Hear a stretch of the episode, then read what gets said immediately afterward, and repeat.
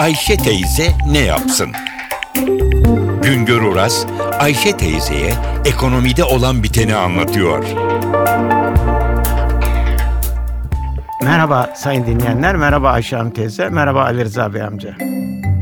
Yurt dışındaki işçilerimizin özellikle Almanya'ya giden işçilerimizin, Almanya'da yaşayan işçi ailelerinin Türkiye'deki ailelerine gönderdikleri veya birlikte getirdikleri işçi dövizleriyle Almanya'da Merkez Bankası adına bizim Merkez Bankamız adına Dresdner Bank'ta açılan döviz mevduat hesaplarına yatırdıkları dövizler, döviz mevduatları Türk ekonomisine uzun süre büyük katkı yaptı. Bütün bunlar 1960'ların başında Almanya'ya Türk işçilerin gitmesiyle başladı. Almanya'ya giden işçiler oralarda kazandıkları dövizlerin bir bölümünü Türkiye'de kalan ailelerine gönderiyorlardı. Kesin dönüş yaparken de yanlarında getiriyorlardı. Bu dövizler 1960'lı yıllarda Türk ekonomisi için çok önemli bir döviz kaynağıydı. Derken 1990'lara 2000'li yıllara girdik. Bu dönemde de işçilerimiz Almanya'da ve diğer ülkelerde yerleşik hale gelince oralarda birikimlerini yurt dışındaki bankalarda saklamaya başladılar.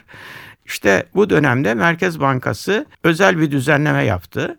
Almanya'daki Dresdner Bank aracılığıyla yurt dışındaki işçilerimize döviz mevduatlarını toplamaya başladı. Döviz mevduatlarını toplarken işçilerimize yurt dışındaki bankaların döviz mevduatına verdikleri faizin daha üstünde bir faiz ödedi. O zamanlarda Türkiye'de de dövize ödenen faiz oranları düşüktü. Hatta bu faiz oranları yurt dışındaki hesaplara ödenen faiz oranları Türkiye'deki faiz oranlarının da üstünde olmaya başladı. İşte o zaman bu hesaplar süper döviz hesabı diye adlandırıldı. Süper döviz hesabı hem işçiler bakımından önemliydi hem Türk ekonomisi bakımından önemliydi. Çünkü süper döviz hesapları vasıtasıyla Türkiye'ye önemli ölçülerde döviz girmeye başladı. Ve bu dövizlerde Merkez Bankası'nın rezervlerini yükseltecek önemli ölçüde dövizlerdi. 1976 yılında uygulanması başlanan bu döviz mevduat hesapları 2000 yılından sonra önem kazanmaya başladı. 2002 yılında hesap bakiyeleri 14 milyar avroya kadar yükseldi. 2007 yılında bu hesaplardaki dövizler 10 milyar avroya düştü. 2011 yılında bakiye 7 milyar avro, 2013 yılında da 3 milyar avroya geriledi. Çünkü Merkez Bankası bu dönem içinde dövize ihtiyaç azaldığı ölçüde faiz oranlarını da düşürdü. 2001'lerde yüzde sekiz buçuk net dolar faizi, avro faizi verilirken bu faiz son zamanlarda normal bankalarımızın Türkiye'de dövize ödedikleri faiz ölçüsünde gerilemişti. Şimdi Merkez Bankası bir karar aldı ve bu hesapları tasfiye ediliyor. Yeni hesaplar açılmayacak. 2015 yılından sonra da hesaplar yenilenmeyecek, giderek kapanacak. Fakat işçi dövizi girişleri devam ediyor.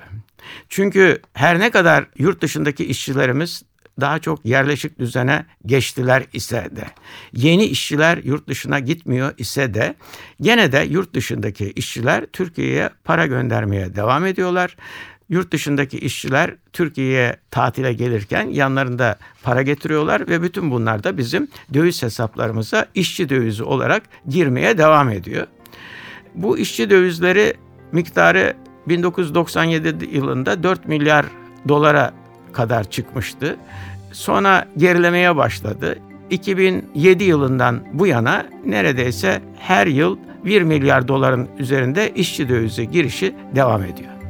Bir başka söyleşi de birlikte olmak ümidiyle şen ve esen kalınız sayın dinleyenler. Güngör Uras'a sormak istediklerinizi ntvradio.com.tr adresine yazabilirsiniz.